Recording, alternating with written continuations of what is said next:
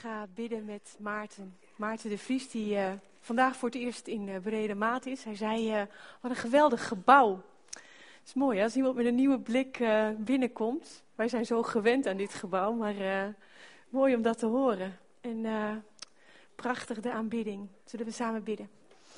Heer, dank u wel dat we hier bij elkaar staan op het podium. Ik mag bidden voor Maarten. Heer, spreek door hem heen. Spreek uw woorden. En uh, wilt u ons openen, openen voor uw woorden. Heer, uh, we hebben zo prachtig gezongen. U komt alle eer toe, alle eer, lof en aanbidding.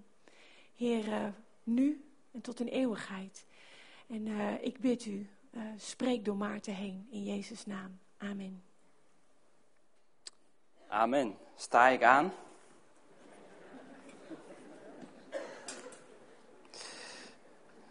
Ik zeg het toch maar even over dat gebouw, want ik weet vanuit onze eigen gemeente, het is altijd lastig om, om ik denk dat jullie, dit is niet jullie eigen gebouw, en tenminste daar ga ik zo vanuit. En, uh, maar misschien heeft God wel een, eh, een, een, een eigen, vaste, permanent gebouw voor jullie klaarstaan. Alleen moet je alleen nog eventjes uh, er naartoe gaan en de stap durven nemen om, om in bezit te nemen. En dan gaat de preek vandaag over, speciaal alleen daarop. Nee hoor. Jullie hadden misschien wel gehoopt dat er eindelijk een beetje wijsheid en grijsheid het podium zou betreden. Na deze hele serie jonge mensen, maar nee, helaas. Uh, dat is denk ik een beetje een kenmerk van deze tijd waarin we leven. Een nieuwe generatie die aan het opstaan is. En ik moet heel erg sterk denken aan de, aan de woorden die uh, in de Bijbel staan. Dat uh, ja, de profeet Elia zal komen om de harten van de vaderen met de harten van de jongeren te herenigen. Ook in die volgorde, vaders naar de jongeren toe.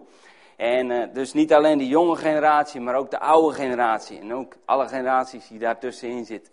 En als die twee bij elkaar gaan komen, dan, dan, ja, dan volgens mij dan, uh, dan kan Jezus terugkomen. Dat is ook de, uiteindelijk de profetie. Want dan heb, je, dan heb je alles in huis wat nodig is voor opwekking. Ik geloof nog steeds in opwekking in ons land. Ik geloof, ja, wie gelooft er trouwens nog meer? Dat, dat Nederland zal worden gered.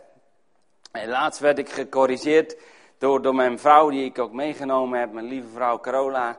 En die zei, Maarten, Nederland wordt niet gered, maar Nederland is bezig gered te worden. Holland is being saved, zeg je dat mooier in het Engels, vind ik zelf. En dat is mijn standpunt ook. Nederland is bezig om gered te worden. Europa is bezig om gered te worden. Ik geloof niet in een doemscenario van de kerk, maar ik geloof in een glorieuze kerk. En uh, dat, dat zie je en alles borrelt het ook op. Jonge mensen staan op, oudere mensen staan op. Mensen gaan bidden en vasten. Mensen gaan in actie komen omdat er geloof is, omdat er hoop is, dat er, dat er verwachting is, dat er veel gaat gebeuren. En omdat ze gaan willen uitstappen, niet, niet langer meer willen wachten op God. Hoewel het soms heel christelijk klinkt, maar vandaag gaan we horen dat het nou, toch een beetje anders zit. En, omdat ze weten van God gaat dit land op zijn kop zetten. Amen. En daar wil ik het over hebben. Geloof in actie. En uh, ik wil met jullie gaan naar Jacobus 2, vanaf vers 14. Ik, ik, weet niet of er iets op de beamer komt, maar dat maakt voor mij niet zoveel uit. Als je maar gewoon lekker uh, mee luistert of meeleest, misschien wel. Als je je Bijbel bij je hebt. Moet altijd weer even wennen aan deze, oh ja, duimgreepjes. Ik heb normaal gesproken een NBV. Daar zit een touwtje tussen en dan doe je zo heel stoer in één keer alsof je het elke dag zo. En, maar goed, ik heb hier eentje met duimgreep, omdat die gewoon beter uitkwam. Nee hoor. Deze heb ik trouwens, deze heb, dit is de MBG. Sommigen zeggen niet bijzonder goed. Nou, weet ik niet of dat zo is. Ik heb de kennis daar niet van, dus ik kan er niks over zeggen. Als je dat zegt, dan moet je minimaal het, het, het Hebreeuws, de grondtaal en de Grieks, de grondtaal, moet je vloeiend kunnen spreken en schrijven. Wil je daar überhaupt iets over, nuttigs over kunnen zeggen. Maar uh, we gaan het gewoon doen met de MBG vandaag. Ik heb hem van God gekregen, al zeg ik het zelf. Het klinkt heel vroom en dat is het ook. Uh, ik heb uh, ooit aan God gezegd: Heer, als u me roept om te spreken, dan moet ik ook een Bijbel hebben. En eh, die had ik al wel, maar ik had zo'n kleintje, weet je wel. Nou, daar kun je niet mee aankomen, dat ziet er niet uit. Weet je, dat is, dat, dit is tenminste iets. En als je met een grote Bijbel aankomt, dan hebben we, oh, hij zal wel de waarheid spreken. Nou, daarom heb ik dat gedaan. Ik zei, heer, ik moet een Bijbel hebben die ik kan buigen. Want ik hou ervan om een beetje zo een Bijbel in mijn handen te hebben. Het moet een beetje, toch een beetje handzaam zijn, maar er moet, moet een gouden uh, rand omheen zitten. Moeten duingreepjes in zitten moet een MBG zijn, er moet een uh, ritje eromheen zitten en zwart leer. Zo'n zo heel rijtje had ik opgeschreven. En, mooiste van alles, hij moet gratis zijn. Want ik zat op de bijbelschool en ik had geen rode cent. Dus, nou, dat was zo mijn eisenpakket voor God. En uh, uh, dat, uh, dat, dat heb ik ook zo, op een gegeven moment zag ik, hem, zag ik hem liggen. Ergens zo op een boekentafel. En ik denk, dat is mijn Bijbel. Voldoet aan alle omschrijvingen. Maar ja, er stond 50 euro op. Of er stond, nou ja, stond een bedrag op, maar in ieder geval, ik weet niet meer precies hoeveel. En ik dacht, nou, ja, hij is niet gratis. Logisch natuurlijk. En uh, dus ik liep weer terug en uh, ik dacht, jammer. En toen liep ik een meter verder, twee meter verder. En toen werd ik op mijn schouders getikt. Toen gaf hij me op mijn 50 euro zo in mijn hand. En zei, ja, alsjeblieft. Toen dacht ik, ah, this is my moment. Ik koop mijn Bijbel. Nou, toen had ik mijn Bijbel die ik van God gevraagd had. Dus dat vind ik leuk om dan ook te gebruiken. Vind je niet? Jacobus, ik zal, misschien is het ook netjes om mezelf even voor te stellen. Ik ben uh, Maarten de Vries. Ik kom uit Spakenburg, ben geboren getogen in Urk, op Urk zo je wil. Ik zal je niet aan, in de hoogste bomen hangen. Als je dan zegt, want ja, het is geen eiland meer, dus dat... Uh, en wat kan ik nog meer zeggen? Ik ben nu ruim 2,5 jaar getrouwd. Ik word zo meteen gecorrigeerd, omdat het vast alweer een beetje anders zat. Maar ik ben nooit zo van de data en... En ik werkte bij de fontein hier vlakbij in Uddel. grote zaak met allerlei jacuzzi's, spa's, blokhutten, was ik verkoper. En nu uh, mag ik uh, sprinklerinstallaties sinds vorige week installeren. Ik zie dat hier nog niks hangt, dus uh, nou, tegenwoordig verplicht. Deze, dit gebouw zou nog wel de oude regels hebben, dus dan mag het daar nog aan voldoen. Maar... Goed, misschien dat we in de loop van het verhaal meer over mij te horen krijgen. Jacobus 2, vers 14. Want, nee, niet want. Wat baat het, mijn broeders, of iemand al beweert geloof te hebben als hij geen werken heeft? Kan het geloof hem behouden? Vraagteken. Stel dat een broeder of zuster gebrek heeft aan kleding en aan dagelijks voedsel.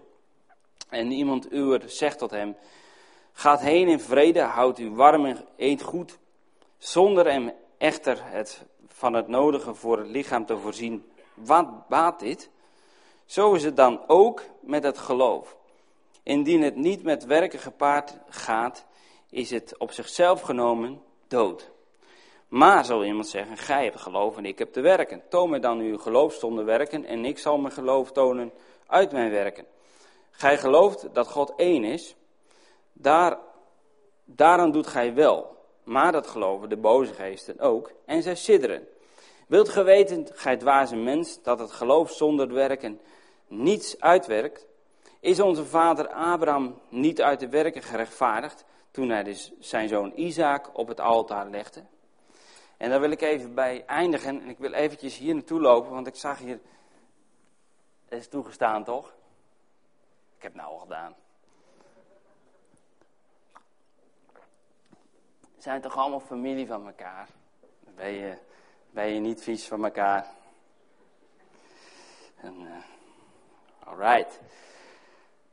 Jacobus. Ik uh, vind persoonlijk, vind ik Jacobus een, uh, een, een bijzonder ontnuchterend persoon. Ik heb hem natuurlijk niet gekend, al wens ik soms dat ik in een tijdmachine kon stappen en hem, en hem, en een bezoekje kon brengen of kon kijken hoe Jezus het, ja, dat deed, weet je wel. Als je soms met dingen worstelt, hoe deed hij dat nou? Maar door toch een beetje te verdiepen in de Bijbel en een beetje te verdiepen in de literatuur. En, en dan kom je soms toch een klein beetje achter hoe zo'n persoon in elkaar zit. En we hebben net een beetje een klein greepje gelezen uit het boek Jacobus. En het komt al een klein beetje naar boven dat hij bijzonder ja, een man was van geen poeha. dat hij zei van nou doe nou maar gewoon wat je moet doen. En dan blijkt wel uit watgene wat je doet dat het, dat het werkelijk gemanifesteerd heeft in jou. Dat het werkelijk in jouw geest is. En dat is, dat is een beetje de volgorde die hij hanteert. Dat is een beetje de, de houding die hij heeft. En daar hou ik al van.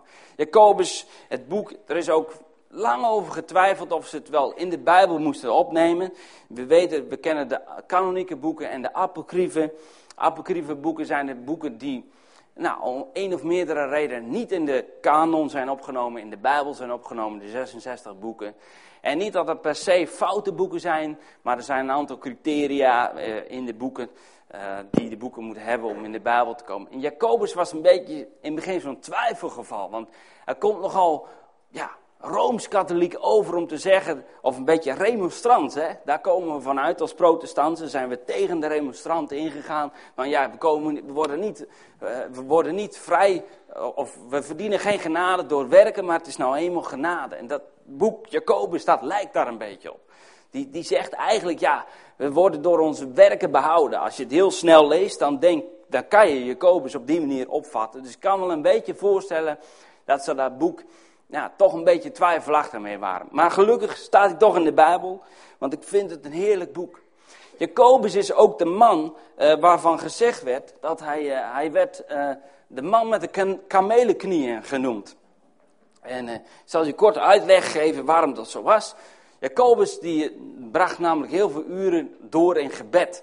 Nou, kun je, kun je bidden op heel veel verschillende manieren doen. Ik ga meestal lopen zo, weet je wel, een rondje zo'n loopje. Als mijn vrouw en ik wel eens samen baden, dan zat zij keurig zo op de bank en ik, ik moest echt de ruimte hebben. En, maar Jacobus die zat dus kennelijk altijd op zijn knieën toen hij bad en heeft daardoor naar hoor, nou, staat niet in de Bijbel, maar daar zijn bronnen over, dat hij zo, zo vaak op zijn knieën zat dat, zat dat hij heel bult op zijn knieën had en daarom de man met de kamelenknieën werd genoemd.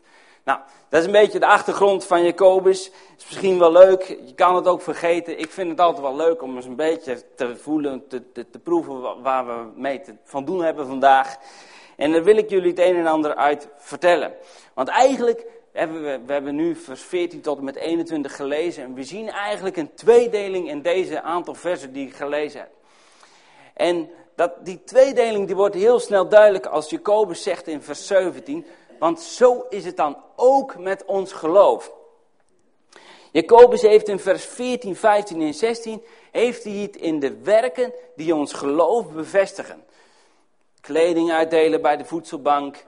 Uh, of uh, kleding deel je niet uit bij de voedselbank. Dat deel je eten geloof ik uit. Kleding bij de kledingbank, eten bij de e voedselbank.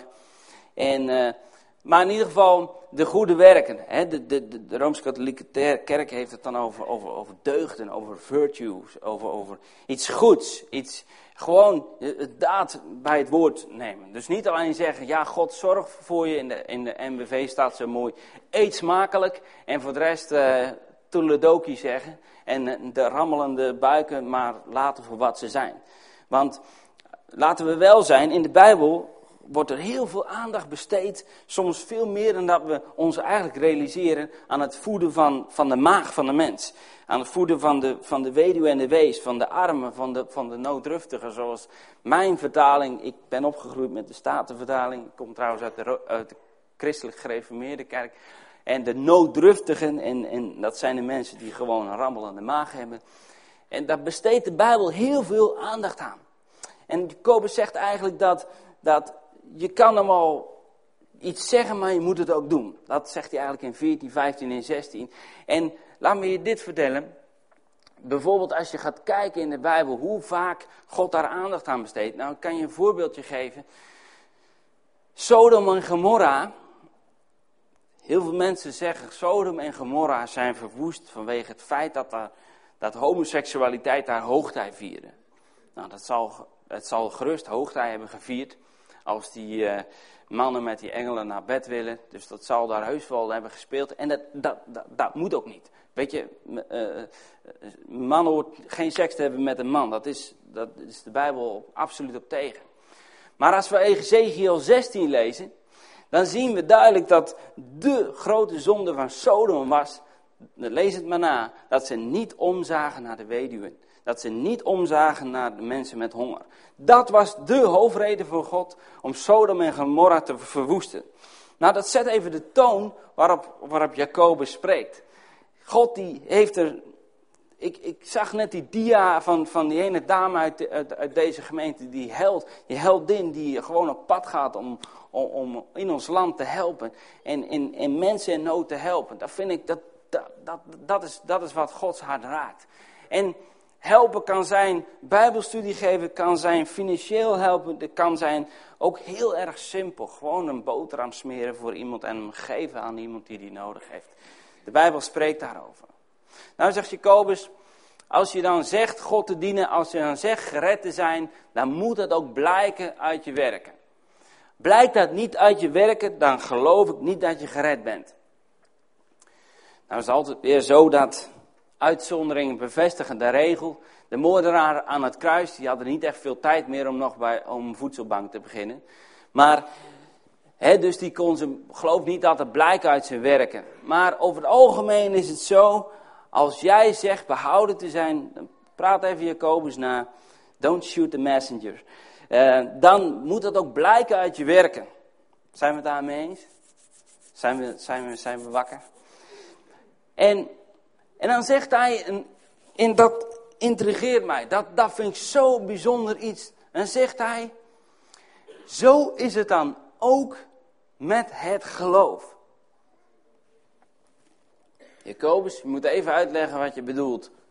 Bedoel, je hebt net gezegd dat geloven en werken, dat moet hand in hand gaan. Dat, het moet blijken uit jouw werken dat jij gelooft. En dan zeg je nota bene, zo is het dan ook met ons geloof. Nou, dat betekent dus dat hij net sprak over een ander soort geloof en vervolgens wel overstaan gaan naar het geloof hoe hij dat ziet, naar een, weer een ander soort geloof. Er zijn dus meerdere soorten van geloof. En dat is ook zo. Want als we kijken naar het kruis, dan in het kruis zijn eigenlijk alles wat je nodig hebt, is samengeperst in dat ene moment. We zijn er heel erg goed in om te geloven in redding bijvoorbeeld. En in het eerste gedeelte van Jacobus 2, vanaf 14, zegt Jacobus eigenlijk, dat heeft hij het volgens mij, en corrigeer me als het niet zo is, heeft hij volgens mij over geloof in redding. Als jij gelooft dat jij gered bent, dan moet het vervolgens blijken uit je leven dat dat inderdaad zo is. Als dat niet zo blijkt, dan was je dus niet gered. Het is dus niet zo dat als je goede werken gaat doen, word je gered. Maar, zegt hij, als je gered bent, ga je goede werken doen. Ik denk dat we allemaal op één lijn zitten op dit, op dit uh, punt. En anders kom je het. Nee hoor. En, maar dan heeft hij het daar over geloof in redding. Nou, wij, laat ik het maar even bij ons volk houden. En ik geloof echt dat Johannes Calvijn en Maarten Luther daar echt een, een stevige bijdrage aan hebben gedaan. Wij als volk, wij als christenen zijn vaak heel erg sterk, gelukkig maar, want dat is essentieel, in geloof in redding. Want zeggen wij, ja, de moordenaar aan het kruis, de meest verschrikkelijke kerel van dat moment, en als die hier vandaag de dag zou leven en zou hier plaatsnemen in deze kerk en hij zou naar voren komen en zou zijn zonde beleiden, dan, dan geloven wij met z'n allen, en dat is ook mooi, dat, dat het absoluut voor elkaar is met die kerel. Dat, dat, dat geloof in redding is voor ons niet zo'n issue. En gelukkig maar, want dat is ook essentieel.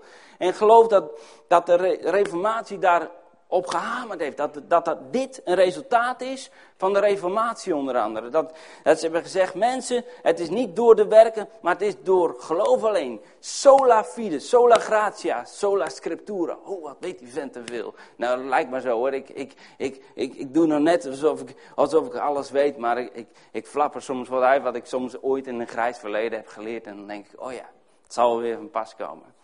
Maar... Uh, dan lijkt je ook nog eens wat, uh, wat te weten. Hè? Maar geloof alleen. Dus wij, wij hebben heel erg sterk dat we weten van nee, als wij, het maakt niet uit hoe slecht we eraan toe zijn, het maakt niet uit wat we gedaan hebben in ons verleden, door genade, door geloof, zijn wij behouden als wij met ons hart geloven en met onze mond beleiden, dan, dan weten we de Bijbeltekst er ook nog bij te vinden, dan, dan is het voor elkaar. Dan is het goed. En dat is ook zo. En als vervolgens dan daar de werken uit blijkt, dan is datgene wat je toen hebt gedaan, dat blijkt waar te zijn. Dat is het bewijs voor hetgeen wat je toen hebt gedaan. Dat dat echt was, dat dat vanuit God was.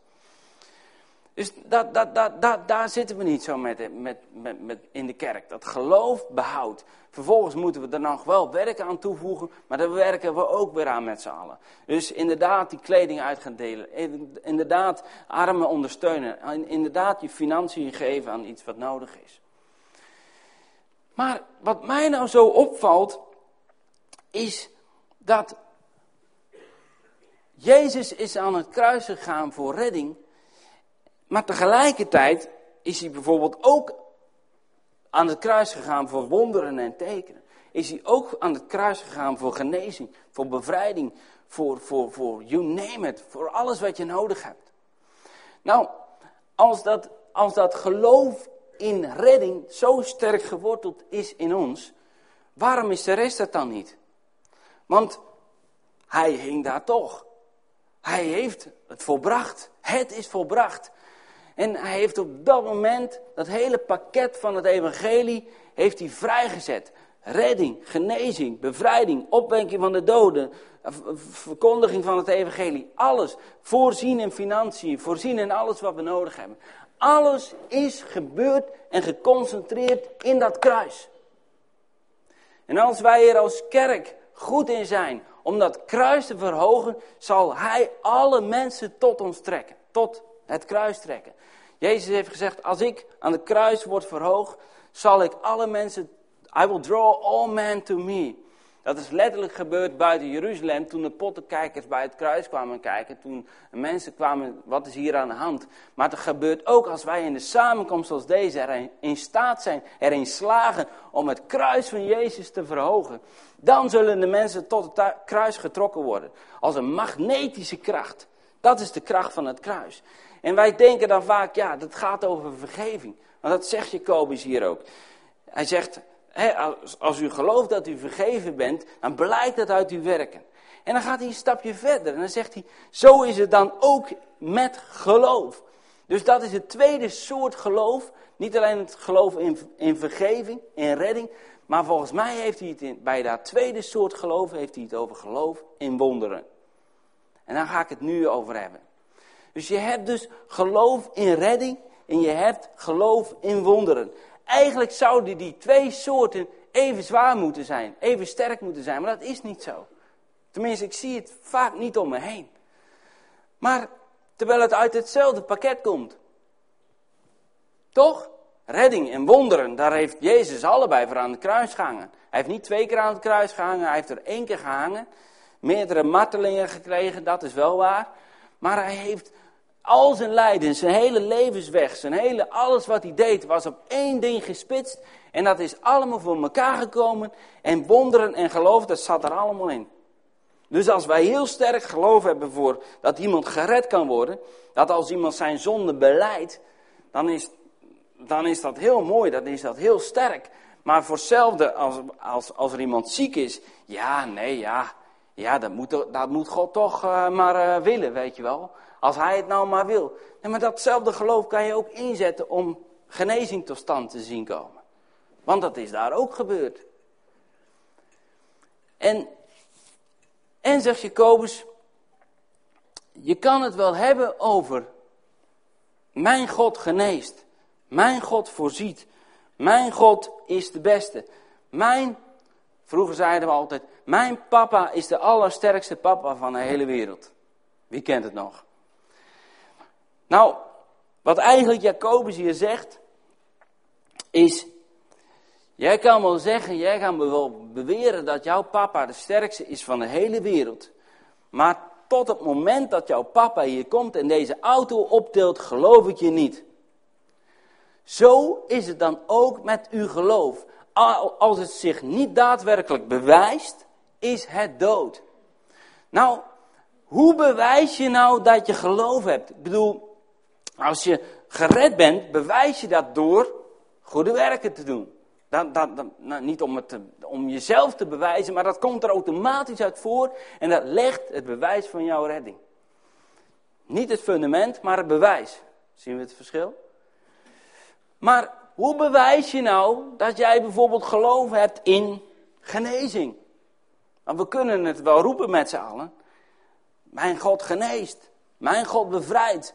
Ja, mijn God heeft het antwoord. Mijn God voorziet. Maar hoe bewijs je nou, zegt Jacobus, Jacobus, dat jij ook daadwerkelijk gelooft wat jij zegt? Nou, ik zal je eens een voorbeeld nemen. Want, zegt Jacobus, geloof zonder actie is dood. Geloof zonder daadwerkelijk te doen wat jij gelooft, dat is dood. Oftewel, dat was eigenlijk helemaal geen geloof. Oftewel, het is pas geloof als je het laat zien. Eerder is het geen geloof. Nou, ik ben voor mezelf eens gaan nadenken en door de Bijbel heen gegaan en door de helden van de Bijbel heen gegaan en gaan kijken naar de figuren waar ik heel erg van hou in de Bijbel. Er zijn er meerdere, maar er zijn een aantal die heel erg opvallen. Waarvan gezegd wordt dat ze gelovige mensen waren. Weet, Hebreeën 12, die somt de gelovige mensen op. Maar die hadden allemaal bepaalde kenmerken. Niet dat ze allemaal gezien hebben waar ze in geloven, maar ze zijn wel in actie gekomen. Aha, dus dat is de sleutel. Actie toevoegen aan je geloof. Noem nou bijvoorbeeld een Petrus. We hadden het vanochtend zo even over, over op het water stappen. Over de rand heen stappen. En dat we ons natuurkundeboek, nou dit is de Bijbel, is niet bepaald een natuurkundeboek, het is een bovennatuurkundeboek. Maar als we ons natuurkundeboek erbij pakken, als Petrus dat had gedaan, dan had hij kunnen lezen, de oppervlaktespanning van water is best hoog. Dat is gewoon zo. Maar niet zo hoog dat het mij ook kan houden. Had, die boek, eh, het, het boek, ja, kunnen niet dat het niet waar is, hè, maar als Gods wetten in, in werking treden, gaat er een bovennatuurlijke wet in werking. Dan, dan, dan moet je je natuurkundeboek dichtklappen, aan de kant leggen en toch over die rand heen stappen. Maar nou komt het spannende, nou komt hetgene wat, wat mij zo prikkelt en wat mij zo bezighoudt in mijn leven. Dat is, hoe wist Petrus dat het water zou houden? Ja, dat is het geloof in zijn hart. Maar hoe wist Jezus nou dat geloof in zijn hart zat? Ja, Jezus was de zoon van God en uh, had connectie met de Heilige Geest. En de woorden van wijsheid, de woorden van kennis. En hij wist dat er geloof in het hart van Petrus zat. Ja, dat is waar, dat is waar. Ah, jammer, kan het niet. Uh, beetje slecht voorbeeld. Jezus wist alles. Nou goed. Maar geloof kun je namelijk zien. Geloof kun je zien. Nou, hoe zag het geloof van Petrus er dan uit? Nou, Jezus sprak de woorden kom. En hij, hij klimt over de reling. En eigenlijk zie ik het altijd zo, dat Jezus niet per se op het water liep, maar op de woorden van Jezus. Dus de K, de O, de N. K-O-N. Nou, volgende woord. K-O-M. En een stuk of misschien wel twintig keer, uh, ik weet niet hoe ver Jezus van Petrus heeft afgestaan, maar moet er het wonder van levitatie, zo noem je dat in de natuurkunde, moet daar plaatsvinden. Dat betekent dat je kan blijven staan op water, even kort gezegd. dat hij zweeft. Twintig keer heeft het minimaal moeten plaatsvinden en ook nog de terugweg. Vaak concentreren we ons op het feit dat hij door het water heen zakte, maar we concentreren ons bijna nooit op het feit dat hij de enige was die op het water liep. Want dat, is een beetje Nederlands, dan kijken we om, ja maar dat ging mis. Ja, maar hij liep wel op het water.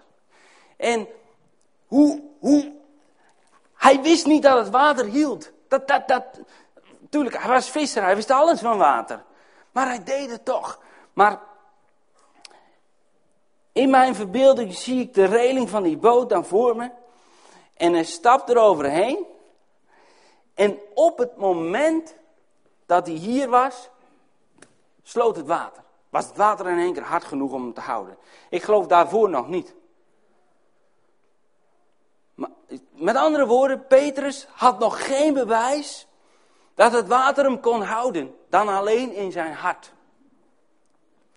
Maar hij moet dus in het diepe, in het zwarte gat stappen om te proberen of het inderdaad zo is. Maar hij kan er maar op één manier achterkomen. En dat is die stap nemen. Inderdaad, het werkt. Het werkt. Het werkt. En dat, dat is nou eigenlijk waar de Bijbel ons toe uitdaagt. Normaal gesproken, heel vaak is het zo dat God ons ergens toe uitdaagt en ons nog niet genoeg middelen geeft om het te doen.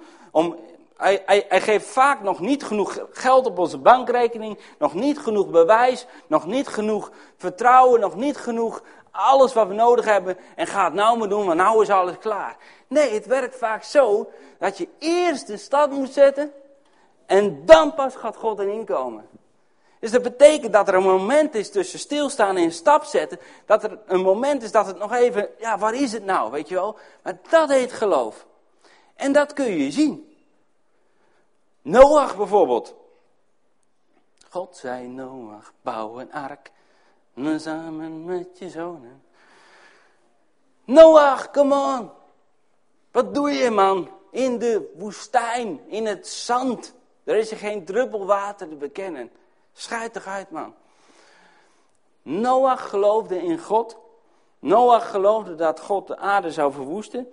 Noach geloofde dat hij en zijn gezin en diegenen die mee wilden, dat kon ook nog, dat die behouden zouden worden in de ark. Noach geloofde dat God zou doen wat hij had gezegd.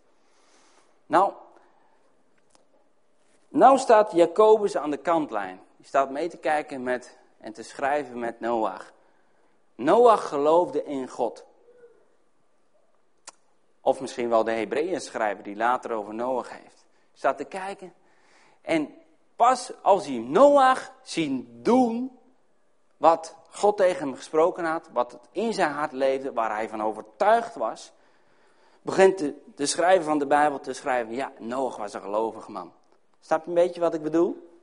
Geloof kan je namelijk zien. Nou, hoe ziet dat er dan uit in het leven van Noach? Nou, waarschijnlijk heeft hij een grote zaag moeten pakken. Of heeft hij misschien zelfs eerst wel een zaag moeten maken. Weet ik veel. Een bijl moeten maken. En een tekening moeten maken. Naar het bos moeten gaan. En samen met zijn zoon bomen omzagen. Planken maken. Spijkers kopen, maken. Ik weet niet hoe dat ging in die tijd. Maar dat was gewoon handwerk doen, omdat hij geloofde in zijn hart dat hij het nodig zal hebben voor het reddingsplan van de wereld. Dat is zo ongelooflijk praktisch. Gewoon doen wat God je opdraagt, omdat hij het zegt. Punt.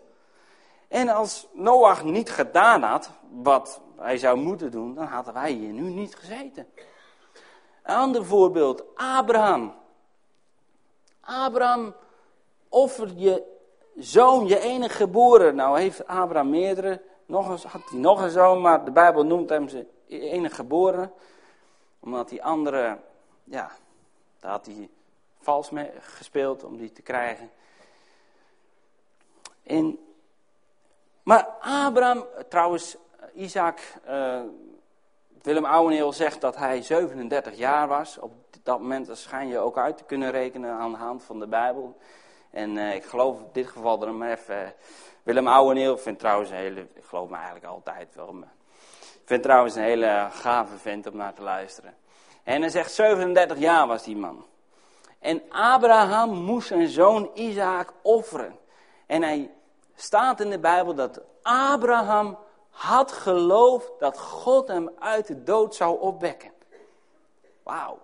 De Heilige Geest was nog niet uitgestort. Jezus was nog niet aan de kruis gegaan, maar Abraham geloofde in de opwekking van de doden. Oeh, dat Jezus later ons voor zou doen en ons uh, deed het voor zodat wij het na konden doen. Of je nou gelooft of niet. Abraham, die geloofde het al. En de Bijbel zegt dat Abraham werd gerechtvaardigd door zijn werken, door zijn daden. Oh, nou, nou, nou, nou, dit gaat te ver. Nou gaan alle protestantse haren in mijn recht staan. Want daar waren we toch juist klaar mee dat we niet meer gered konden worden door werken. Nou, wat de Bijbel eigenlijk bedoelt, is dat Abraham wel gered is door zijn geloof, maar dat geloof alleen gebleken is dat, doordat hij in actie kwam. God rekende de, de, de, de daad van Abraham toe als daad van rechtvaardigheid. Wow, I love it. I want this. Ik wil dat God dat over mij zegt. Ik wil dat als ik later bij God kom, misschien is het wel eerder dan dat ik denk, weet ik niet. Dat God eh, tegen mij zegt, Maarten, ik reken je dat en dat en dat toe als daad van rechtvaardigheid. Ik, ik noemde jou mijn vriend omdat je gedaan hebt wat ik tegen je zei. Ondanks dat, dat je misschien op het droge was en geen, geen druppel water om je heen zag, toch die ark bent gaan bouwen. Dat, dat, I want this. dit is mijn, als je wat over me wil weten, dit is het streven van mijn leven. Dat ik, ondanks dat anderen misschien me sterk en sterk afradigen, of misschien wel zelfs, in Nederland kennen we heel veel mensen met de gave van ontmoediging. Hebben we die wel eens ontmoet? He?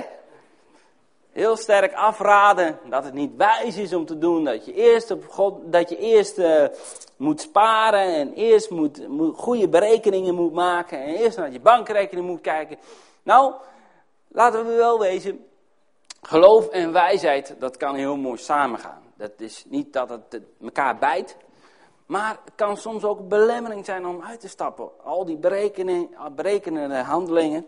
En, en ik hoop dat God tegen mij zegt, Maarten, ondanks dat de omstandigheden er niet toe waren, ondanks dat je de eerste was die dat deed, ondanks dat je nog helemaal niks zag, ondanks dat iedereen die je kende tegen je inging, je hebt toch gedaan wat ik van, me gevraagd, van je gevraagd heb. Trouwe dienstknecht. Over weinig heb ik je gesteld, over veel zal ik je stellen. En dat doelt hij op het duizendjarig vrederijk naar mijn inzien. Dat, dat, dat hoop ik gewoon te horen in de hemel. Wie hoopt het met mij mee? Dat, dat, dat, dat Jezus daar staat en zegt, oh, trouwe dienstknecht. Ik heb je weinig gegeven in vertrouwen. En je bent er goed mee omgegaan. Je hebt, je hebt het vermenigvuldigd. En omdat je het vermenigvuldigd hebt, krijg je nu nog meer. Want tegen die anderen gaat hij zeggen, je hebt het in de grond gegraven. Dit heeft alles met deze vergelijkenis te maken. Je hebt het in, in de grond gegraven en je, je had al niks, maar je, het wordt je nu ook nog afgenomen en aan die anderen gegeven. Dus wie niets had, wordt het ook nog eens afgenomen. En die het iets heeft, wordt het toegevoegd. Dat is de Bijbelse logica die ik niet altijd volg. Maar oh, dat hoop ik zo graag te horen. Ik, dat is ook, mag onze focus ook zijn. Als we dan toch iemand willen behagen in dit leven, doe dat dan voor Jezus. Dan, dan zit je altijd goed. En als je ook iemand wil kopiëren in het leven, kopieer dan Jezus. Dat is ook wat hij deed. En, uh, en, maar Abraham die ging op pad met Isaac. Met, nou, hoe zag het geloof van Abraham eruit? Pakte zijn mes, fileermes, hakmes, ik weet niet hoe dat, ik ben niet zo'n slager. En uh, zwengelde de slijpsteen aan sleept, sleept zijn mes even nog goed. Even langs zijn staaltje nog voor de fine-tuning. Nou, die was weer mooi scherp in zijn scheden. Pakte wat, uh, stookte een vuurtje op, pakte met een, eh, een, koperen schaaltje, een tang, de kooltjes eruit, legde die in zijn, gloeiend en al in zijn bak, zodat hij een soort mobiel vuur had, de, de, voorloper van de aansteker, zeg maar. En, uh, nou, hij, pakte een, hij een bel, sprokkelde wat hout, of misschien zocht hij wat, naar wat takken. Er ging best wel wat tijd aan vooraf voordat Abraham op pad ging. Kijk, we lezen wel zo, Abraham die uh, nam Isaac mee en ging op pad. Maar misschien heeft de Bijbel wel heel, de hele dag overgeslagen voordat er uiteindelijk iets gebeurde, zeg maar. Maar, maar dat we op pad gaan, dat is eigenlijk al, al veel verder dan dat Abraham al was. Want hij had al een, een hele dag was hij in de weer geweest om, om zijn spulletjes bij elkaar te krijgen, om zijn offer te brengen, waarvan hij wist dat het Isaac was, maar Isaac wist het nog niet. Maar, maar dat, dat, dat feit alleen al, dat noemt God geloof. Want die gewoon in actie kwam. Nou, voor hem zag het er zo uit. Takken bij elkaar rapen, mes slijpen, uh, vuur bij elkaar pakken. Heel, dat is alledaags. Maar God had het wel tegen hem gezegd. En hij wist wel dat hij zijn zoon moest offeren. En dat hij zijn zoon niet kwijt zou raken, maar dat God hem uit de dood op zou wekken. Nou geloof ik dat Abraham zelfs gedacht heeft, Ook al zou die niet terugkomen uit de dood, ik doe het toch.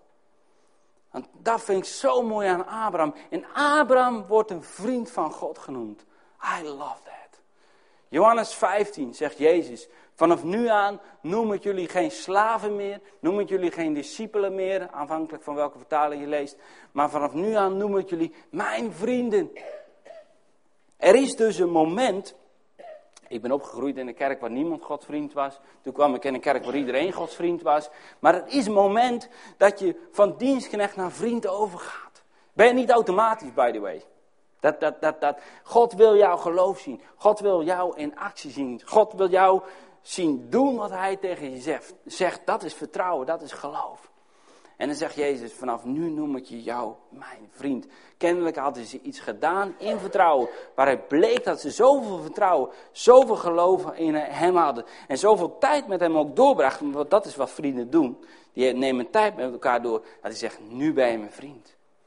En Abraham wordt een vriend van God genoemd, omdat hij zijn zoon offert. Wauw, I love it. Dus iets doen voor God, in geloof, daar, daar besluit, doet God besluiten. Nee, maar ik ben, ik ben een vriend van jou.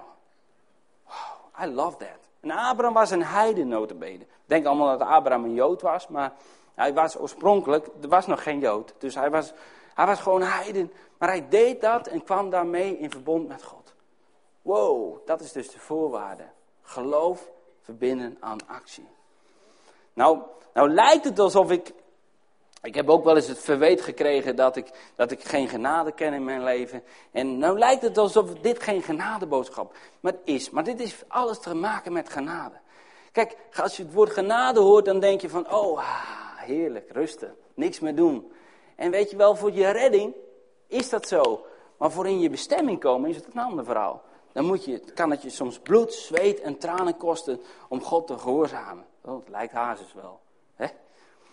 En, en dat zijn dus twee verschillende dingen.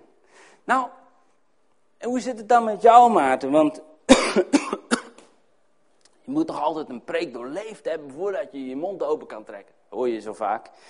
En, nou ja, het is ook wel een beetje waar natuurlijk. En, uh, maar goed, tegelijkertijd blijft het woord van God, blijft Gods woord. En als, of het nou uit uw mond komt of uit mijn mond, het blijft even krachtig. Want het, woord, dat is de kracht. Paulus zegt, ik schaam het evangelie niet, want het is een kracht van God tot behoud van ieder die gelooft. Dus als ik het woord over jullie uitspreek, over jullie proclameer, dan geloof ik dat dit gaat doen wat ik niet kan.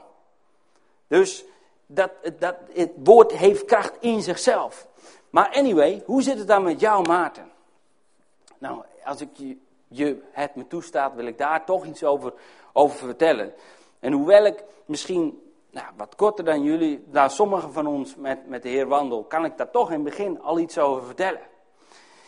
Het is namelijk zo dat, uh, dat ik heel erg sterk geloofde, in mijn hart althans, in de voorziening van God. Nou hoe werkt dat dan? Hoe, ziet dat er dan uit in jouw leven? Nou, daar kom ik nog niet over vertellen. Maar inmiddels ben ik ietsje verder dan dat en kan ik, heb, ik, heb ik het doorwandeld in het klein. Ik blijf het mijn hele leven hopelijk doen. Maar ik heb er in ieder geval iets van kunnen proeven. En dat wil ik graag aan jullie vertellen. Het is namelijk zo dat ik... Eh, ik heb op een bijbelschool gezeten in Rotterdam. En ik heb twee jaar bijbelschool gedaan. En uh, ik, had me, ik wist eigenlijk niet goed wat ik aan moest met mijn leven. Ben daarmee gaan worstelen en gaan doen. En uiteindelijk kwam ik erachter, na maanden van gebed... Oh, en ik zag iemand preken en ik dacht van, oh, dat, dat, die gast, die laat zien wat ik wil doen. Eindelijk viel het muntje. En, en ik ben erachteraan gegaan, ik ben de Bijbelschool opgegaan. Maar ja, toen kwam de volgende uitdaging. Het geld. En uh, ik had me intussen al ingeschreven bij theologie, maar dat was het toch niet helemaal. Ik ben niet per se tegen theologie, maar God heeft echt tegen mij gezegd, dat wordt hem niet voor jou. En ik stapte dat gebouw uit en God sprak, theologie is niks voor jou. Dus ik dacht, oké, wat dan? Nou, als je in een intakegesprek zit van theologie en je moet de volgende stap nemen, nou, dat, dat is al bijna tegen het begin van het nieuwe jaar aan. Dus dan heb je nog maar heel weinig tijd om dan de volgende beslissing te maken. En God wees me naar de Bijbelschool. En ik had ongeveer nog vier weken de tijd om en een woning en uh, de juiste school en, uh, en geld te vinden voor, voor de school. Kost ongeveer, nou zeg 10.000 euro per jaar. Met alles erop en eraan. Lesgeld, boeken, eten, drinken, onderdak, alles. Hoef je natuurlijk niet in één keer te hebben, maar je moet het wel door het jaar heen hebben. En ik had het gewoon niet. Ik had 200, 300 euro op een bankrekening staan. En uh, dat was het eigenlijk. Dus, maar dan, dan, dan, dan kan je zeggen, ja, ik geloof in een God die wel voorziet. En, en, en vervolgens uh, denk je, ja, ik heb maar 200 euro, ik doe het dan maar niet. Ja, dan zegt Jacobus eigenlijk tegen mij, van, ja, totdat je het gaat doen, geloof ik je niet, Maarten. Dus wat ben ik gaan doen? Ik ben niet tegen mijn ouders gaan vertellen dat ik bankroet was. Eh, maar ik ben me gewoon gaan inschrijven. En ik ben gaan, gegaan zoeken naar een huisje. En ik heb het gevonden, lang vooral kort. God heeft twee jaar lang op wonderbaarlijke wijze voorzien. En, maar dat was niet gebeurd als ik had gedacht van ja, maar ik moet toch eerst mijn bankrekening vol hebben. En, en, en, en dan is het teken van God dat ik zeker mag gaan. En dan pas ga ik. Nou, Hoor, begrijp me goed, het is goed om te sparen. Het is ook goed om, om wel verstandig te zijn. Ik was misschien. Uh, maar, maar even die balans opmaken. Maar op, in mijn geval, ik had daar geen tijd meer voor. Dus ik ben erin gesprongen en ik heb gezien dat God keer op keer op keer op keer op keer heeft voorzien. In, gewoon in keiharde euro's. Vaak oh, net op het laatste moment of net even te laat, weet je wel. Dat is, is zo irritant met God dat hij net... Uh, je over het randje heen duwt. Maar goed, ik heb een beetje, het zei in het begin, geleerd wat Gods voorzienigheid is. Ik ben geloof gaan bouwen in mijn hart voor Gods voorzienigheid. Kun je het een beetje voorstellen? Vervolgens, genezing. Ik riep altijd, ja, God die is een geneesheer. Nou ja, hoe werkt het dan in jouw leven? Ik liep op straat in, in Rotterdam, bij Hogeschool Rotterdam. En je kan denken dat God geneest, of geloven dat God geneest. Maar als je vervolgens iemand tegenkomt die een beetje uh, die pijn heeft in zijn lichaam. En vervolgens alleen maar zeggen, God is geneesheer. En, en vervolgens weer weglopen. Ja, dan heb ik weer Jacobus tegen mijn getuige. Die zegt van, ja, maar doe er dan ook wat mee. Dus ik zei, eh, ik kwam in gesprek met twee atheïsten. En lang vooral kort te maken, ik sprak ze aan. Ik zei, hey, God gaat je vandaag, God gaat je nu, hier, op deze vierkante meter, gaat hij je genezen. Oeh, durf je dat te zeggen? Ja, omdat het woord van God het zegt en ik moet uitstappen op het woord van God. Weten we nog, Petrus hoorde het woord en hij stapte uit. En dan sta je met trillende beentjes, van wat als God het nou niet doet? Ja, maar als je het niet doet, dan kan hij het niet doen. Dat is de volgorde, je moet wel in actie komen. Dus ik zei, hey, misschien kennen we het benenverlenging verhaal wel. Nou, ik heb dat gedaan bij die eerste atheïsten, moet je nagaan. Nou, ik zeg in jouw maatje, die moet even naast mij komen staan. Die kan zien dat God nu een wonder gaat doen. Ik benadrukte dat nog een keer. Het was nog niet gebeurd, maar ik zei, God gaat nu een wonder doen. En ja hoor, dat gebeurde het. En zo werden ze groot als schoteltjes. Ik zeg, jij wil zeker ook dat meemaken, of niet? Ja, ja, ja. Nou, toen gingen we draaien. En, en, en, en het gebeurde. En het gevolg was dit. En, een, half uurtje daarvoor beweerden ze bij, allebei bij hoog en laag dat God niet bestond. Nu stonden ze, dat zeiden ze tenminste dat zouden doen, te getuigen tegen hun medestudenten dat die Jezus van die gekke vent op straat, dat die leeft. Waren ze evangelisten geworden in één keer. Dus als ik, had, als ik het bij, erbij had gelaten om te zeggen van God, geloof, God geneest tegen iemand, tegen een gelovige of tegen een ongelovige. En vervolgens niet in actie was gekomen en zo moedig was geweest om, om te zeggen, jij gaat genezen. Dan was er niks gebeurd en had, dan, had het, dat, dan had mijn geloof in genezing niet kunnen blijken. En had het niet bewezen kunnen worden. En had Jacobus tegen me gezegd, sorry, we hebben een probleem. En ook bijvoorbeeld is het laatste wat ik ga aanhalen en daarna gaan we tot een eind. Als ik bijvoorbeeld, ik, zei in het begin van de preek al, Nederland zal worden gered.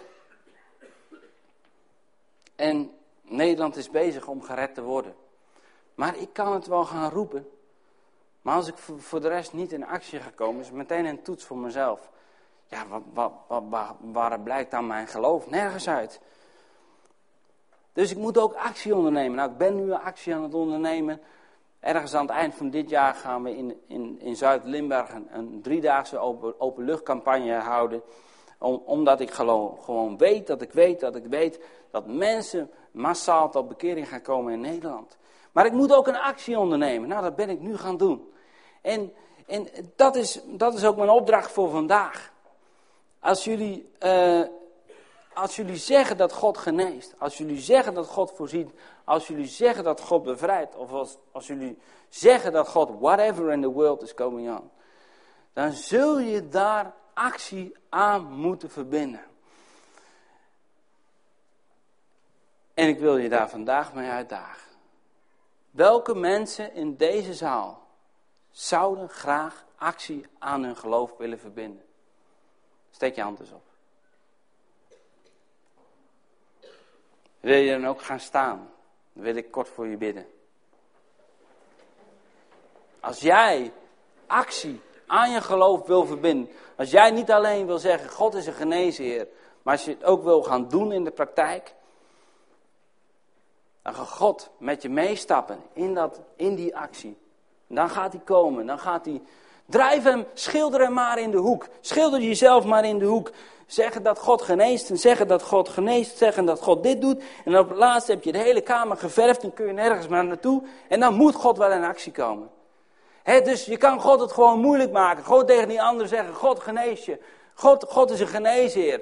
En dan kijkt God van over de rand van de hemel. Oh, die, die uh, broeder of zuster is, uh, heeft zichzelf aardig de nesten gewerkt. En uh, nou, laat ik dan maar in actie komen, want hij, anders is het ook zo zielig dat, dat er niks gebeurt. En dat, dat kan jij forceren, dat kan jij tot stand brengen. Dat is die actie die jij aan je geloof brengt. Gewoon zeggen en het doen. En dan gaat God komen met zijn kracht en gaat het uitvoeren. En vader, ik wil bidden voor de mensen die hier staan. Die hun hand hebben opgestoken. En die tegen u hebben gezegd, dit is de eerste actie die ik neem. Ik sta op en ik laat zien dat ik in actie wil komen. En vader, u eert dat. U, u gelooft in deze mensen. En vader, ik wil uw zegen, uw genade en uw bovennatuurlijk geloof, geloof en actie wil ik uitbidden over deze mensen in de naam van Jezus. In de naam van Jezus, vader, ik wil u bidden dat u dit in laat slaan als een bom. Dat het ze niet meer loslaat Totdat ze in actie gaan komen. En als ze in actie zijn gekomen, dat ze opnieuw gaan zoeken. Hoe kan ik weer doen waar ik in geloof? In Jezus' naam. Amen. Amen. Dankjewel.